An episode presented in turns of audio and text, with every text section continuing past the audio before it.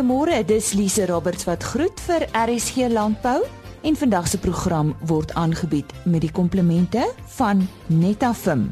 Slim besproeiingsoplossings. Ons gaan kuier vandag by die Rietvlei Natuurreservaat en vind bietjie meer uit oor 'n bewaringsprojek in 'n stad. En die maas gesels met Andrius Fourie van De Hoop Angoras. As jy dalk belangstel om uit te vind hoe om pikante russies of peperdews te plant, bly ingeskakel. En laaste op vandag se program gesels ons met 'n 27-jarige dame wat tans 'n landbou-ekonoom is. Ons praat bietjie oor haar loopbaan.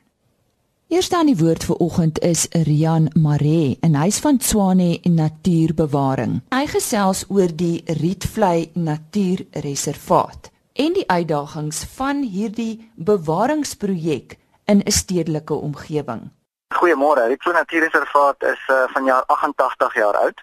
Um, op die 2 September en die reservaat so 4000 hektaar groot met 'n baie interessante geskiedenis.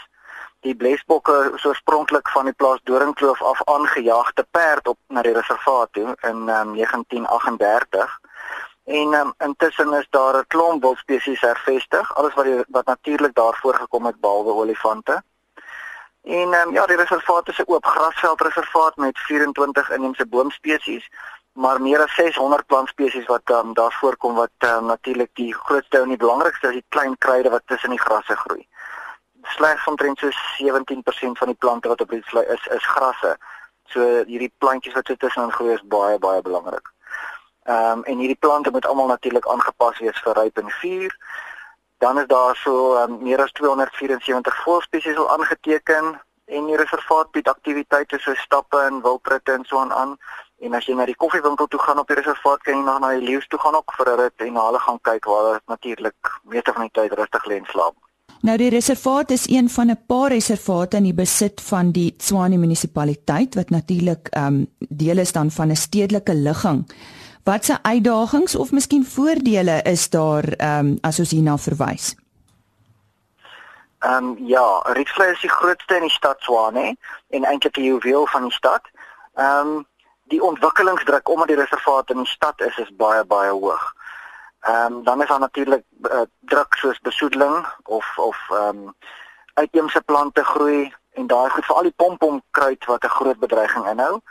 En dan die voordele is natuurlik dat dit in die stad gelees waar ons al hierdie mense het wat um, wat nie ver hoef te reis om die reservaat te besoek nie. Dit was baie naby en lekker om te kom um, te kom besoek en dan al die aktiwiteite. Ehm um, en dit gee ons dan ook die kans om um, omgewingsopvoeding te doen en met die mense te gesels oor wat hulle sien en wat daar voorkom en hoe dit gelyk het en al daai tipe dinge. Die uh, Rietvlei dam sien ek is 'n middelpunt van die reservaat. Vertel ons meer oor die dam met sy doel en sy geskiedenis. Ja, die dam het ook 'n baie interessante geskiedenis en loop aan die hand um, met die reservaat. Ehm um, die damwal is gebou met handearbeid en mylkarre gedurende die Groot Depressie en is voltooi in 1934. Die dam is klein, is omtrent so 200 hektaar. Ehm um, maar saam met die boorgate en die fonteine op die reservaat bied Rietvlei Natuurreservaat 3.5% van die stad se drinkwater. So dit werk uit op omtrent 41 miljoen liter water 'n dag, want dis wat die suiweringswerke se kapasiteit is. Uh, die opvanggebied is 500 vierkante kilometer, maar dit is slegs um, 40 vierkante kilometer, so is 'n klein gedeelte van die hele opvanggebied van die dam. Bewaringsaksies is natuurlik 'n belangrike been van enige reservaat. Hoe word bewaring en toerisme gekombineer, uh, Rian? Ehm um, ja, heel eens is word daar gepoog om met behulp van 'n ekologiese bestuursplan die reservaat te bestuur, ehm um, om 'n verlies aan um, spesies te voorkom Ehm um, oor tyd is byna al die spesies wat natuurlik al voorgekom het hervestig, soos die tuurboskatte en die renosters en skoonbuffel, seekoeie, die jagluiperds en die leeu's wat in 'n aparte kamp is. Ehm um, en daar's geen binnekampe op die reservaat nie. Die leeukamp is net buitekant die reservaat aan die ander kant van die Delmaspad die inkomste van die besoekers help om die reservaat te onderhou en te bestuur. So dis hoe die, die toerisme deel die reservaat help.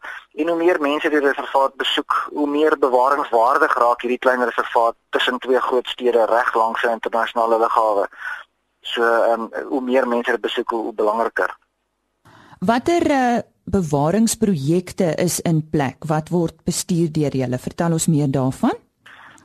OK, ja, mens begin natuurlik by die plante groei. Ehm um, en daarso kan mense um, heel eers die blokbrande bestuur. Ehm um, dis baie belangrik vir spesiediversiteit en hele reservaat word in 'n 4 jaar siklus gebrand. Ehm um, baie van die plantjies wat daar voorkom se sade ontkiem nie of hulle blom nie goed as dit nie gebrand het nie. So brande is baie belangrik. Dan die beheer van uitheemse plante soos die pompomkruid en so aan. Die beveiliging en aantal van die witrenosters is nog 'n projek. Die bestuur van die jagluiperds en hulle prooi spesies op die reservaat en die bestuur van die leeu's wat um, wat in 'n aparte kamp is. Ek gesels weer môreoggend met Rian Maree. Hy is van Swane Natuurbewaring en ons fokus spesifiek op hulle natuurbewaringsprojekte. Ons uh, gesels nou met met Andre Sori van De Hoop Angoras en ons sal 'n bietjie met hom praat oor die die uh, die grootmaak van Angora klein bokkies. Uh, is nou interessant uh, Andries julle Angora is wy slegs op Lucerne lande. Uh, is dit voordelig? Watter voordele hou dit in? Ja, ons het uh, met Angora bokke begin boer so 5 jaar terug op Lucerne lande. Um, ons het uh, eers met volstryse geboer en uh, ons het 'n bietjie voelgriep en al daai moeilikhede gehad en uh, toe het ons vir 'n oplossing gesoek om met, met iets anders te boer. En um, Angora bokke het vir ons belovend gelyk. Die rede hoekom ons Angora bokke op Lucerne lande so goed doen, jy kan met Angora bokke skoner haar omdat jy dit beter beheer op Lucerne lande, onkruidbeheer. Um jy kan dit ook 'n bietjie langer laat groei op die lande op 'n 6 maande skeersel waar baie ouens op die veld dit dan net op 'n 4 maande skeersel kan doen. En uh, dit is maar een van die groot redes hoekom ons dit gedoen het. Die voedingswaarde van lucerne is ook baie goed. Lucerne het wel 'n bietjie tekorte, um, maar dit is uh, maklik om reg te stel.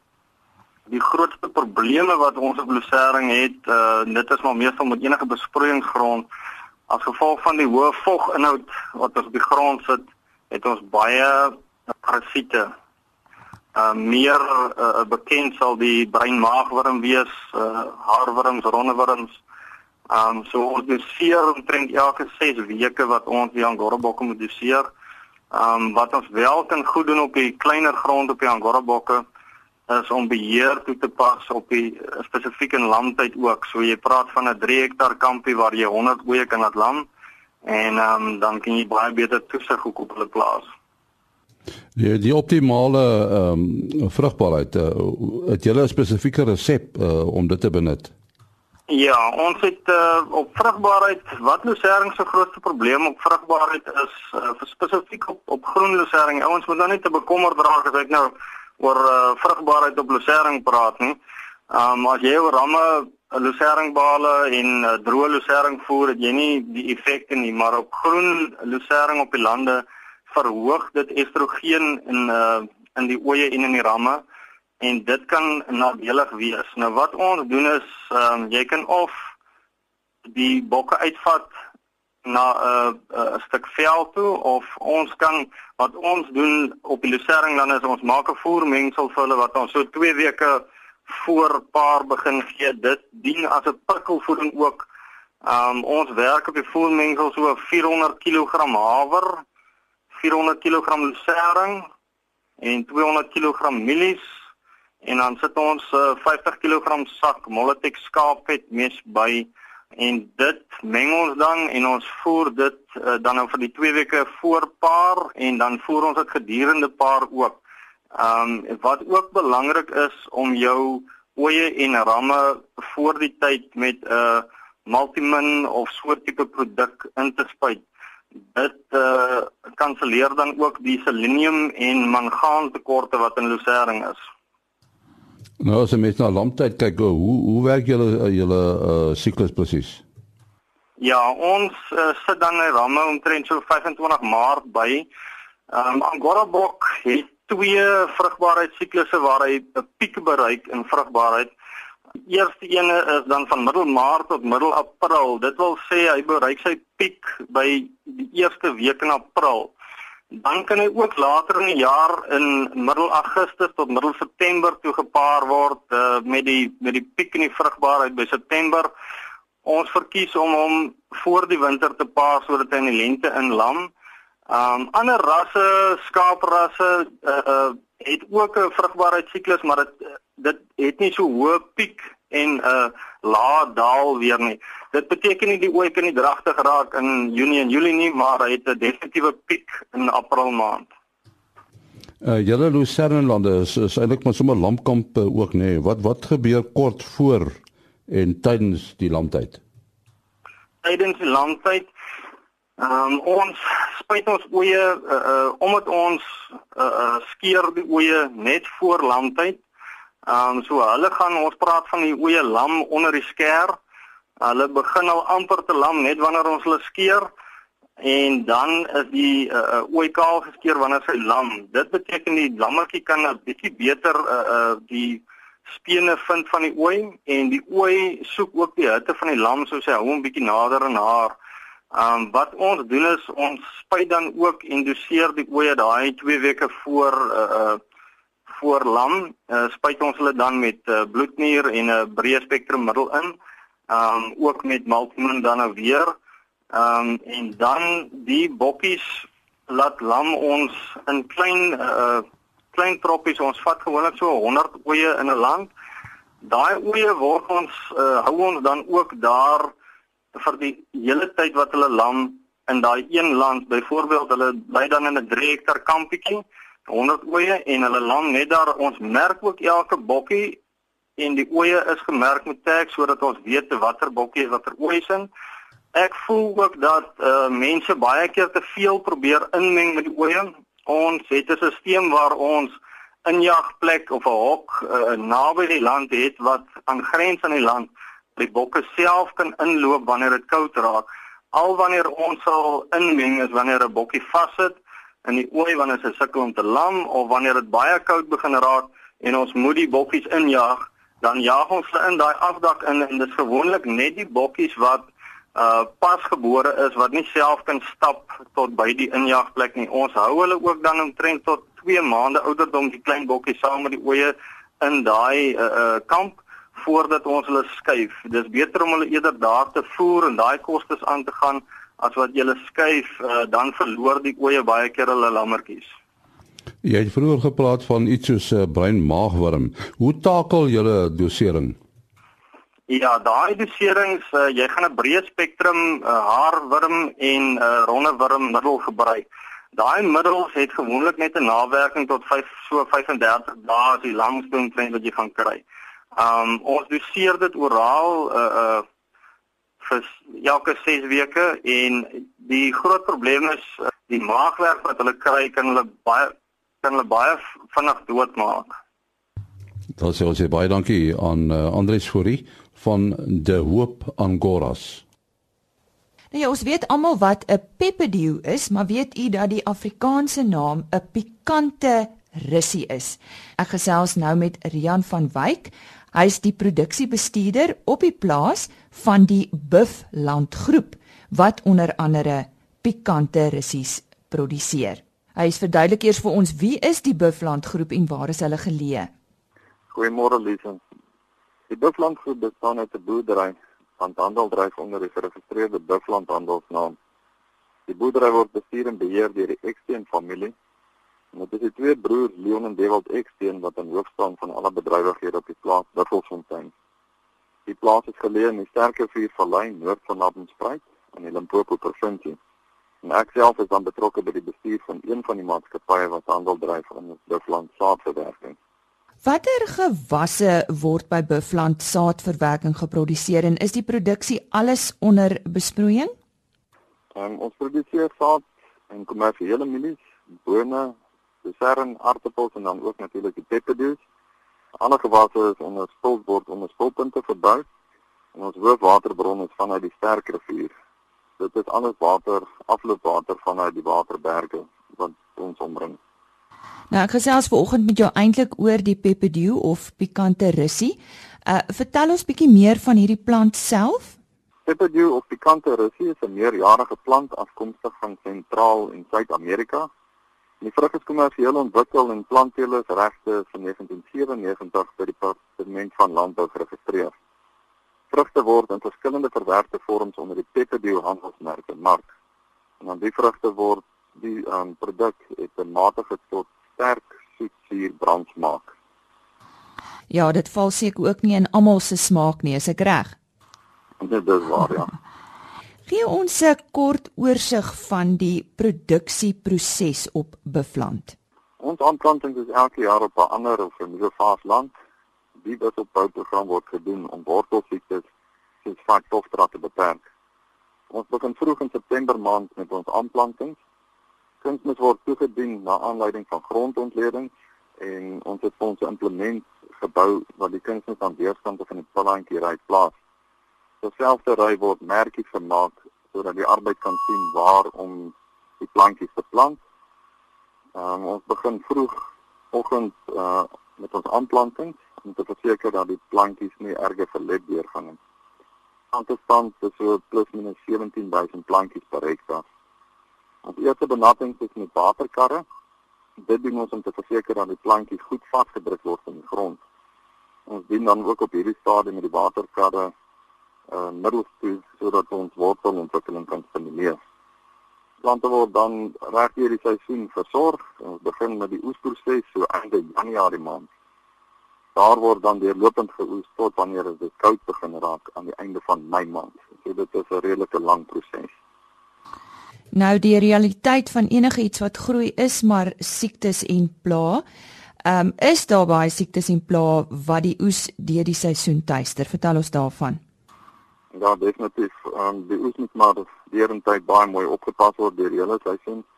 Ook is daar natuurlik onkruid wat 'n groot uitdaging is, omdat daar so baie min produkte geregistreer is op Tepedeus vir onkruidbeheer. By ons word beheer meganies gedoen totdat die plante te hoog begin word. En daarna word alles met die hand skoon gehou. Insekte wat pla is blaasvoetjies gedurende blomtyd. Hierdie insek krap die vruggie binne in die blom wat dan merke op die volwasse vrug maak. Dit is natuurlik 'n afkeer in die oestyd. Bolwerms moet streng beheer word en dan natuurlik ons grootste uitdaging is vrugtevlee. Ons begin met die beheer van vrugtevlee so wat 2 weke voordat daar geoes word en daai proses hou aan reg deur die seisoen tot aan die einde van die oestyd. Ander siektes waarop ook gelet moet word, is verdelsiekte net na plant Alle vorms van roes moet streng en gereeld voorkomend beheer word. En wortelgesondheid is uiters belangrik. Sonder gesonde wortels kan geen oes na behoore grootgemaak word nie. Daarom is alwermbeheer krities belangrik. Daar moet gelet word wat gespuit word omdat residuele vlakke in die vrugte deurent tyd geoes word aan 'n maatskappy wat ons lewer. Lei dus by die onthoudingsperiodes van die middels wat toegedien word. Wat is die plant se waterbehoeftes, Rian? Um, dit is baie belangrik dat die plante nie blootgestel word aan volkstremming nie. Volkstremming veroorsaak dat die plante begin vrommel of soos wat hulle dit by die fabrieke noem shrivel, wat die gradering van die vrugte baie nadelig beïnvloed. Moniteer dat jy besproeiingsbediening om verliese te voorkom en pas ook die besproeiing soveel jy daaraan na gelang van jou weeromstandighede. Dit is baie belangrik. Nou dit klink vir my asof dit 'n redelike arbeidsintensiewe produksieproses is, is ek reg? En uh, is julle uh, watse arbeidskwessies staar julle in die gesig? Dit is seker baie arbeidsintensief. Dit is die produksie ehm um, verbruik verskriklik baie arbeid. Ons het in piek plukseisoen omtrent 150 plus mense wat op 20 hektaar oes. Selfs in hierdie tye bly hulle amper nie by met die oesproses en die plukproses nie. Ehm um, aan die finansiële kant is dit dan ook een van die grootste uitgawes in die PPD produksielyn. So ons moniteer elke dag se pluk per persoon sodat ons die verlangde produktiwiteit natuurlik uit hulle kan verkry. Ek weet dis nou nie iets iets makliks om te groei nie. Watse advies het jy vir toekomstige PPD boere? En ek sal sê minne die eerste keer te groot aanplantings doen nie. Plant eerder 'n bietjie minder en doen jou volledige bestuurs- en bespuitingsprogramme moenie dat petroleumproduksie jou hoofbron van inkomste wees nie. Daar is altyd natuurlik die grootste risiko en dit is haal wat natuurlik jou oes ten volle kan ehm um, verwoes. En dit pas natuurlik in goed in by jou gemengde boerdery praktyke en sisteme ook in. En dan sorg dat jy 'n kontrak by 'n gevestigde maatskappy kry. Dit is waarom ons net aan Petroleum International ons produkte lewer. En dan ten laaste is onthou sorg vir jou petedies en hulle sal vir jou sorg. Nou ja, nou weet ons almal meer van uh, pikante russies en ek het daar gesels met die produksiebestuurder van die Buffland groep op die plaas, Rian van Wyk. En 'n e-posadres vir hom is akkerbou@buffland.co.za en hierdie Buffland is net B U F L A N D. akkerbou@buffland.co.za en dit is dan Rian van Wyk se e-posadres. Ek het daar by Nampo vir Konse Moraba raakgeloop. Sy is 'n jonge landbouekonoom by Absa Agribesigheid en ek het 'n bietjie meer oor haar loopbaan gaan uitvind. Ek het in 'n klein dorpie groot geword in Leidenburg in Mpumalanga. So van kleins af het ek regtig van diere gehou en plante en so voort. So ek het altyd geweet ek sou iets in landbou doen. My pa hou baie van plante. Soos ons huis is net vol plante. 'n uh, Na my matriek, ek sou ek was in Hoërskool Leidenburg. Dis 'n klein dorpie soos een laerskool, een hoërskool. So na hoërskool is ek by Universiteit van Pretoria aangesluit. Ek het my BC Agri Economy daar geswat. So Engelse ehm um, kan ek se kwalifikasie. Maar ja, want ek was van 'n Afrikaanse skool, so ek het in Engels geswat, maar nou is So jy Afrikaans beter as jou Engels? ek sou so sê want dit was ja. eers my eerste taal. Afrikaans was my eerste taal ja, op skool. Ja. ja, so En wat is eintlik jou huistaal? Sepedi. Ja. So ja, dis 'n 4 jaar studie, maar dit is baie interessant want jy leer van baie rek uh statistiek, ekonomie, so jy het bekom modules as ook baie landbou modules. So dis 'n balans van die twee, van die ekonomie wêreld as ook van die plantwese en die dierwese. So jy weet weet dis 'n afgeronde lekker vak en jy jy verstaan alles. Jy verstaan wat gebeur wêreldwyd in die globale marke, wat gebeur met die finansies, hoe beïnvloed 'n polis in Amerika ons beesbedryf, ons mediebedryf. So ek het dit baie geniet en dis hoekom het ek dit geswat. Maar wie het vir jou op skool die blootstelling gegee want jy moes tog geweet het van hierdie kursus of het jy net gaan kyk wat word aangebied in landbou? Hoe het jy nou spesifiek hierby uitgekom? Uh so in graad 11, graad 12 het verskillende universiteite loopbaan ehm uh, uitstallings kom maak by 'n skool.